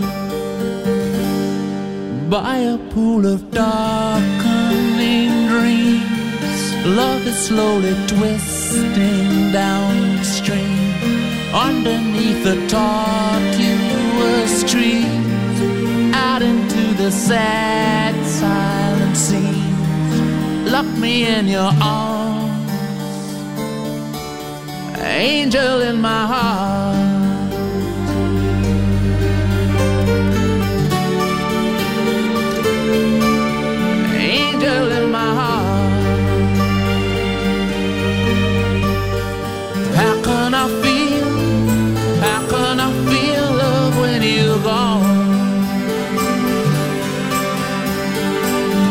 Much is sin?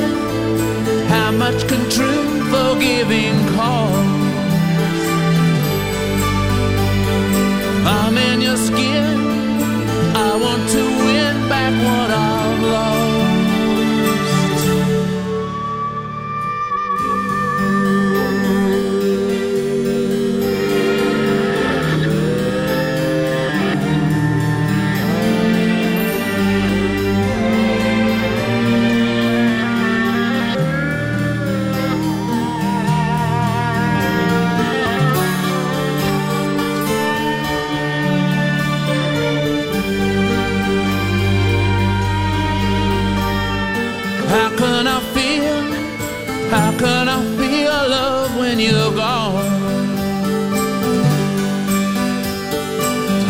your skin. I want to win back what I've lost. I can feel the salt on my skin. I can hear the birds on the wing. I can smell the wood on the fire. I can see the smoke of desire. Let me in your dream. Angel in my heart.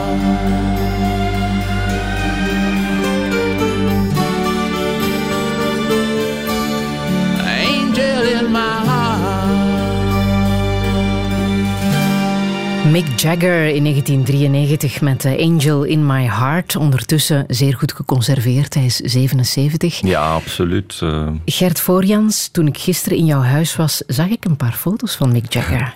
Zelfs in de logeerkamer. Ja, dat is natuurlijk een mijlpaal ook geweest in mijn carrière. Eh, mooi ook voor het verhaal.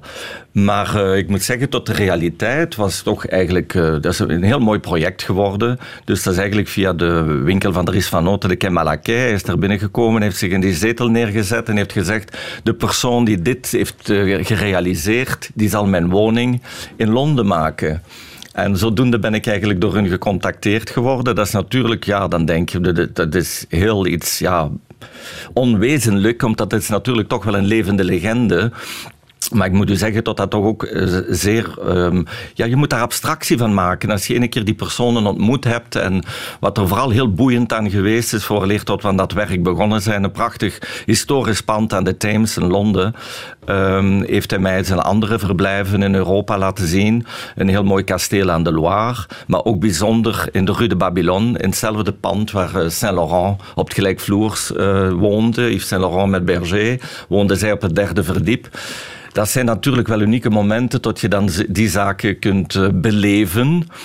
Ehm, ik moet zeggen dat dat enorm verrassend was. Dat je denkt, zo'n rockster met alle verhalen die er rondhangen, wat voor liederlijk leven. En dus dat is het totale tegenovergestelde. Want anders denk ik ook niet dat je op die leeftijd zo geconserveerd kunt zijn. En dan spreek ik over non-alcohol, non- non-andere toestanden. Eh, alleen maar zo gezond leven en bewegen. En ook heel rationeel. Want dat blijf ik ook altijd herhalen en zeggen van, dus is, is, ik denk dat ik meer op die, in die vergaderingen rock and roll was Ja. dan eh, Mick Jagger zelf. En in welke zeer- zin was hij dan rationeel? Zeer rationeel. Eigenlijk heeft ook een, een, een, een, ja, een, op, een opleiding gestudeerd, universiteit, heel mathematisch. En, en je ziet dat ook, gelijk wanneer zij, heel, heel die carrière van hun wordt, is heel bestudeerd, wanneer er terug eh, songs eh, of, of nieuwe songs ge- gelost laten, zal ik zeggen, of terug. Dus dat is allemaal bestudeerd. Je weet nu al wat er achter een jaar, achter twee jaar. Dus, maar anders kun je dat ook niet. Kun je niet zo voor de rest op je leven aan die top en die carrière zo ver staan. Dus dat is wel een magnifieke ervaring geweest. Eh, maar Hoe heb je dat- zijn huis ingericht? ja, ook heel, ook heel atypisch wat je zou verwachten. Maar natuurlijk, als je zoveel verschillende huizen in de wereld hebt, wat hij vooral heel belangrijk vond, als hij dan in Londen is, wil hij in Londen zijn. En dan staan daar Engelse meubelen. En, en daar was ik een beetje in het begin. Ik wou het eigenlijk toch veel gekker maken. En, en, en eh, het is eigenlijk toch, eh, dat is nadien gekomen met de kunst en natuurlijk waanzinnige collectie. Ehm, maar eigenlijk had ik gedacht dat de basis al iets, iets extremer zou geworden zijn. Maar dus ze hebben er echt voor gekozen. Als ze in Frankrijk zijn, willen ze Frans. Als ze in de States zijn, is het Amerika. Dus ik heb daar ook al heel veel begrip voor. Dat ik wel begrijp dat hij dan ook wel gerouted wil zijn. Hij is Brit, van dan ook wel... van, en- maar ik had, dan, ik had me waarschijnlijk toch een andere keuze gemaakt. Ja. Maar eh, dat is nadien wel goed gekomen met materialen en stoffen en kleuren. Maar eh, nee, ik moet zeggen, het was een heel bijzondere ervaring. En wat heeft hij, ehm, eh, hoe heeft hij gemaakt dat jij niet starstruck eh, was bij die ontmoetingen? Want ik kan mij voorstellen als je... Ja, dat was heel... Want als dat Mick was- Jagger in het hem echt eerst ontmoet. ontmoet hier, want hij moest spreken voor de Europese gemeenschap hier in een hotel in Brussel. En... ehm, dat is een hele hofhouding rond natuurlijk, Mhm. want het is allemaal toch veel gewichtiger als we denken. En bodyguards. En, eh, en op een bepaald moment klapt hij toch in zijn handen en gaat iedereen buiten. En dan zit je daar en dan zegt hij, ja, nu is het Mick en jij bent Gert. En nu gaan wij praten. En dan, en dan moet ik zeggen, dan, dan maak je daar ook abstractie van. Het is dikwijls maar door het entourage en de mensen die er allemaal rond zijn, die allemaal nog gewichtiger en... En, uh, en dan hebben we er een uitvoerige vergadering gehad. En dan op de terugweg, als ik terug naar de bureau reed, heeft hem via Londen laten weten van het The project is yours. Dus dat vond ik wel een hele leuke... dan moet je wel even met de auto aan de kant. voor geen accidenten Ja, te maar maken. dan praat je wel met de eigenaar over ja, de slaapkamer en, en, en heel Ja, persoonlijke ja. dingen. Hè? Ik heb dat pas ook nog ervaren als ik dan met hun in Londen mij wou bewegen. Dat heeft nooit langer geduurd dan vijf minuten. Want ik heb daar echt kunnen zien dat die man niet ongemaskerd eh, over het straat kan gaan. Dus dat, Mhm. is, dat is veel groter, belangrijker nog dan wij wel kunnen vermoeden. De, die man kan niet even zeggen, ik haal mij nu even een broodje over de straat. Dat is onmogelijk. Mhm. Ja. Maar je bent wel echt ja, thuis in zijn appartement. Als er iemand absoluut. Ja, thuis nee, is, dan ben jij huis, het. Het is een huis, Ja. het is een prachtig huis. Een, een 18e-eeuws huis, wat vroeger aan Hendrik VIII heeft toebehoord. Wat gesplitst is op, in drie grote huizen. Ehm, historisch magnifiek, eh, zicht op de Thames, dus het is echt wel een droom. Maar het gekke is, als je er zelf in zit, eh, voor de buitenwereld is het, eh, ja, ik, ik moet wel de job doen, het werk doen, begrijp je? Dus voor mij is het minder ehm, ja, filmisch dan, tot, eh, de, dan de andere mensen er eigenlijk naar. Het is allemaal geweldig en fantastisch, maar eigenlijk moet je er toch abstractie van maken en eigenlijk niet te diep laten inkomen. Het is een opdracht die moet uitgevoerd worden. En, En het is ook de klant waar de mensen het meeste naar vragen. Hè? Want Mick Jagger speelt, spreekt Ja, maar ik natuurlijk heb tot dat de ook wel verbeelding. bewust, eh, want te veel poeha mag ik er niet rond maken, eerlijk gezegd. Maar nu worden we niet uitgezonden in Londen. Maar eh, ik heb dat toch ook wel een beetje allemaal... Maar het gekke is, hoe minder tot je er dan zelf over praat, hoe meer tot het dan toch aangehaald wordt. Maar ik zelf haal het nooit aan. Maar dat is dan waarschijnlijk de, ja, de omgekeerde reactie, tot Ja. er dan toch nog meer over gepraat wordt. Want in dat klantenbestand zitten er nog bijzondere... vandaag? Er zitten er nog bijzondere figuren natuurlijk. Hè? Ja, absoluut. Zeer uitgesproken mensen ook. En dat is ook mooi van mensen die, ja, die ook wel iets ja, betekenen. En, en, en, eh, maar eigenlijk moet je daar niet... te- ja, ik ben daar eerlijk gezegd niet te hard mee bezig. Ehm, ik wil me toch... Dat is mooi, dat is mooi meegenomen. En dat kleurt. En dat is ook leuk voor de bureau. En voor, eh, maar eerlijk gezegd, eh, als je de, de keerzijde ervan ziet en wat er allemaal voor moet gebeuren, daar zijn we eigenlijk veel meer mee bezig. Want hoe maak jij je keuze voor wie je wel en niet werkt? Ja, in principe voor iedereen. Maar als je na de tweede of de derde bespreking echt voelt dat je op een totaal andere richting wilt inslaan of dat de mensen iets anders voor ogen hebben, ja, dan moet je gewoon wel eerlijk zijn en zeggen van, want je, be- be- je be- bewijst niemand in een dienst van, van iets te doen waar je niet in gelooft. En ik mag me ook niet te veel veranderen of alleen maar eh, de klant pleasen, voor hun iets doen, want dan op het eind van de rit is niemand tevreden. En uiteindelijk gaat het toch over investeringen ook, dus ik vind het toch wel heel belangrijk dat alle partijen zich er heel goed bij voelen, want gelijk ik nogal in de eerste zin van dit gesprek zei, ik ga er niet wonen. Je bent nu eh, heel erg veel bezig in, in China. Je Ja. hebt ook een, een kantoor. Dat is ook een heel, in- mooi, heel mooi verhaal. Tot er dan Shangri-La, wat een heel mooi, dat eigenlijk ook een beetje op mijn lijf geschreven is. Dus wat is Shangri-La? Is eigenlijk een beetje een oase, maar dan een oase in de groene natuur. Wat een oase in de woestijn is, is Shangri-La de plek. Ehm, en zij willen eigenlijk, ehm, als ik spreek over waar gaan we naartoe en wat gaat het nieuwe leven, het wonen worden. Dus wij zijn eigenlijk nu een soort van ultra-luxury noemen ze dat. Maar we gaan bedenken, hoe gaan we de toekomst de luxe ervaren? Gaan dat nog, is het nog een suite? Zijn dat nog twee kamers? Of heb ik liever meer ruimte en wil ik meer iets loft-idee hebben waar ik heel hard in geloof? Want dat tweede kamertje en de slaapkamer is dan nog maar even klein of even... Dus ik geloof, dus wij zijn daar eigenlijk een volledig nieuw concept voor aan het uitwerken. En dat zijn eigenlijk, ja, dat zijn ideeën en brainstorming voor zaken die misschien achter 10, 15 jaar echt in de realiteit gaan komen. Maar daar moet nu aan gedacht worden, want wij bouwen voor de toekomst, eer die projecten klaar zijn. Dit is wel een heel mooi gegeven in Hangzhou. Het is een holy mountain, dus zo'n heilige berg, eh, door UNESCO beschermd. Dus ik ben wel de, ja, eh, verwend met dit soort van nieuwe opdracht. Maar dat is Ehm, voor toeristen. Als we nog kunnen reizen natuurlijk. Hè. Ja, maar dat komt allemaal terug. Dat heb ik, dat zal, eh, ja, Daar heb je dat vertrouwen allemaal. in? Maar ja, dit jaar niet, maar eh, dat komt Ah. terug. Hoe ja. komt het dat het zo klikt tussen jou en Azië? Ja, misschien ook. Um, het, het, zij zijn natuurlijk ook het, ja, het uh, gemoedelijke, het conviviale, dat homely, dat leven, dat heel tactiele, dat huiselijke. En ik denk dat, ze dat, dat we daar ook naartoe willen. We zijn heel lang ook in winkels en in hotels heel steriel, cool. De mensen willen dus wat ze, waarom dat ik ook die opdracht eigenlijk kan doen, dat is dat ze eigenlijk af willen van het, van het cliché, typische hotel. Ze willen naar huiselijkheid, ze willen naar homely feeling. Eh, dus dat meer het gevoel van iemand uh, weg van thuis, maar toch thuisgevoel. Wat een heel andere benadering is, want als je ziet hotels die zij tot nu toe gemaakt hebben, zijn eigenlijk allemaal heel recht toe, recht aan. Ze moeten zich profileren, omdat er zoveel nieuwe andere hotels eigenlijk zijn. En, dus, en, dat, en Azië heeft dat gevoel van mooie, ja, het is toch ook een oude cultuur. En die de gevoeligheid van die mooie stoffen, mooie materialen. En dat willen ze nu bij Shangri-La toch nog eens extra. En ze willen misschien toch een beetje een Europese invloed, want nu is het extreem Chinees. Maar ik hou enorm van dat Chinees. Dus we gaan een hele mooie fusie krijgen van eh, East meets West, uh, die invloed. En daarmee denk ik wel, ja, ik heb altijd heel, veel, altijd, ja, heel goed kunnen samenwerken met Aziaten. Hm, zou je daar ook kunnen aarden? Zou je daar kunnen nee, wonen? Nee, dat gebeurt niet. Nee, nee? Nee, nee, nee, nee. Ik ga er heel graag naartoe, maar ik ben, ik ben, we zijn wel... Komt ook graag je moet dat ook niet verloochenen. Ik vind dat we eigenlijk veel meer eens eigenlijk moeten gaan respecteren en waarderen. Ik vind, eh, Europa heeft alles. En we moeten nu dat ook eens zelf stilaan beginnen te zien. Waarom moeten het anderen ons komen zeggen? Dus dat vind ik dan toch ook... Nee, ik ga, ik zal, nou, ik, we zijn Europees, ik ben Europees en, en ik reis graag, maar ik kom ook nog liever terug.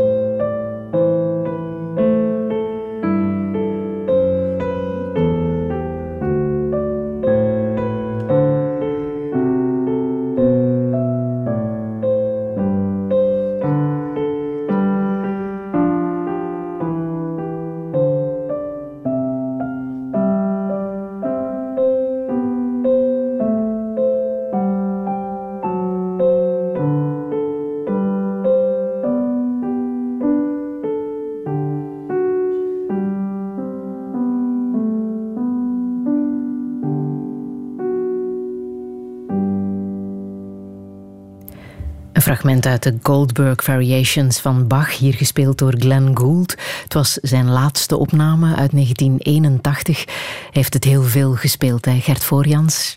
Ja, wat ik aan die Goldberg-variaties van Glenn Gould. En heeft heel zijn leven, van zijn tienerjaren tot aan zijn dood, herhalend en herhalend steeds opnieuw die variaties gespeeld. En ik haal dit voorbeeld eigenlijk graag aan, omdat het als je de eerste opname of de laatste is totaal andere muziek geworden. Het zijn dezelfde noten en ik haal dat graag aan als voorbeeld. De mensen vragen nu, ja, wat ga je doen? En ga je tabula rasa en gaat dat allemaal veranderen?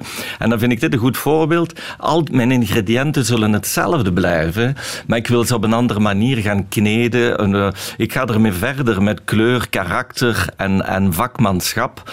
Um, maar ik geloof dat je de, ja, met die ingrediënten verder, en ik vind uw muziek een heel mooi voorbeeld, en dat dat naar iets nieuws kan gaan. Dat kan mm. iets anders worden, maar met dezelfde uh, basis eigenlijk. En met die levenservaring die je ondertussen ja, hebt opgedaan. Ik vind dat we niet willens aan zaken moeten vasthouden als je voelt dat het... Kijk, er is niks is zo constant als verandering. Dus en als je, daar kun je dan voor zijn of tegen zijn, maar de verandering gebeurt en is er.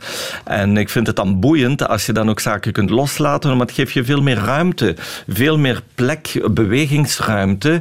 Um, maar gaat er met mijzelf veel, gaat mijn aanpak anders worden? Ik ga vrijer naar de zaken kunnen kijken. Uh, dat is toch een beetje een rugzak die je los, los leegschudt. Um, en daar voel ik alleen maar de nieuwe dynamiek en uh, vers bloed eigenlijk. Ja, maar wat uh, zou je echt nog willen in het leven? Oh, ik ga eigenlijk verder doen. Ik ga ook nooit stoppen. Hè? Dus ik ga blijven verder doen tot mijn laatste dag. Ik bedoel, ik heb de inspiratie... Je bent nu 58, hè? 58. En, uh, maar dat, ja, als ik de, die boeken lees over de eeuwelingen in Japan, uh, ja, daar, daar hoort overal tuinieren bij, beweging hoort daarbij, mentaal actief blijven. Dus ik geloof absoluut niet in ons Europees systeem van pensioen. Uh, is eigenlijk het, de slechtste uitvinding. Ik denk dat we allemaal moeten bezig blijven tot onze laatste dag. dat is de enigste manier, denk ik, om het op een ehm, op een boeiende manier te leven. Uh, dus in die zin maak ik me geen zorgen. Maar wat wil ik nog doen? Ik ga verder doen met wat, wat ik bezig ben. En je moet dat ook zo abrupt niet zien. Daar gaat niet ineens een, een, mm. een koep komen. Ik wil wel, wel met dit boek en die veiling wel ergens iets afronden en ergens iets een, een, een document van hebben. En dan verder geeft het alleen maar veel meer ruimte om uh, vrijelijk terug verder te kunnen gaan. Maar iets dat je nog nooit hebt gedaan, uh, is dat ook uh, Ik heb eigenlijk verlangen? niet zo dat lijstje ineens voor ogen. Ik heb natuurlijk al, ja, of, of dat is ook geen land bezoeken of geen. Ik denk dat we terug allemaal, wat ik nu vooral dringend, deel dringend ga doen na de dertiende, dat is dat ik eens door al die schabbe boeken, ga ik nu eens één plank maken met de boeken die ik nu terug eens ga bekijken en daar zeggen van, daar komt nu terug tijd voor, terug een beetje herontdekken. Um, en dat hoeft allemaal niet zo spectaculair te zijn. Dat kunnen boeken zijn die je eigenlijk wat verwaarloosd hebt, om daar terug in zin te duiken en er terug eens te bekijken. Ja, welke boodschap wil je hier nog meegeven? Uh, ik vind vooral heel, heel belangrijk dat we allemaal een beetje buiten de lijnen kleuren. Dat we allemaal veel meer ons eigen zijn. En ons allemaal veel minder moeten aantrekken wat iedereen uh, gedacht ja. over iets heeft. Want er is, is eigenlijk zinloos. Ik, zou, en iedereen, ik voel dat ook bij de jonge generatie. Veel meer hun eigen doen. En tot we, we maken allemaal fouten. En laat er maar ook eens iets misgaan. Maar uh, van veel minder krampachtig te werk te gaan. Zowel op interieur. Want dat interieur vertaalt zich ook naar wie je zelf bent. Dat heeft ook met je karakter te maken en je welzijn. Want interieur is toch veel meer alleen dan een verzameling van objecten. We mogen wat meer kleur aan onszelf geven. Absoluut. Ja. Ik heb nog muziek van uh, Jesse Norman uh, tot slot. Ja. Een fragment uit uh, Oedipus Rex. Waarom wou je dat nog laten horen? Ja, ik vind haar een ongelooflijke stem. En daar vond ik ook natuurlijk heel het theater. Dat kan nu de luisteraar niet zien. Een, een waanzinnig theatrale voorstelling met de, de, de gezichten en de maskers eigenlijk op de hoofden. Dus daar was ik ook zeer zwaar van onder de indruk, omdat muziek met mij toch ook, dus de, de muziek die we vandaag hebben laten horen, ook toch ook iets met the theater te maken heeft. Dus het mhm. visuele alweer, hetzelfde gelijk bij Orfeo Euridice. Uh, ik, vind dus, ik vind haar stem... Iets waar jij misschien ooit eens wil werken in het ja, theater? Dat, dat, dat, ik zou nu misschien die ruimte wel willen laten. Want dat is nog ik... nooit gebeurd. Nee, dat is nooit gebeurd. Dus daar maar gaan we nu plaats voor maken. voor uh, daar misschien... En, uh, ja. mogen bellen. Ja, absoluut.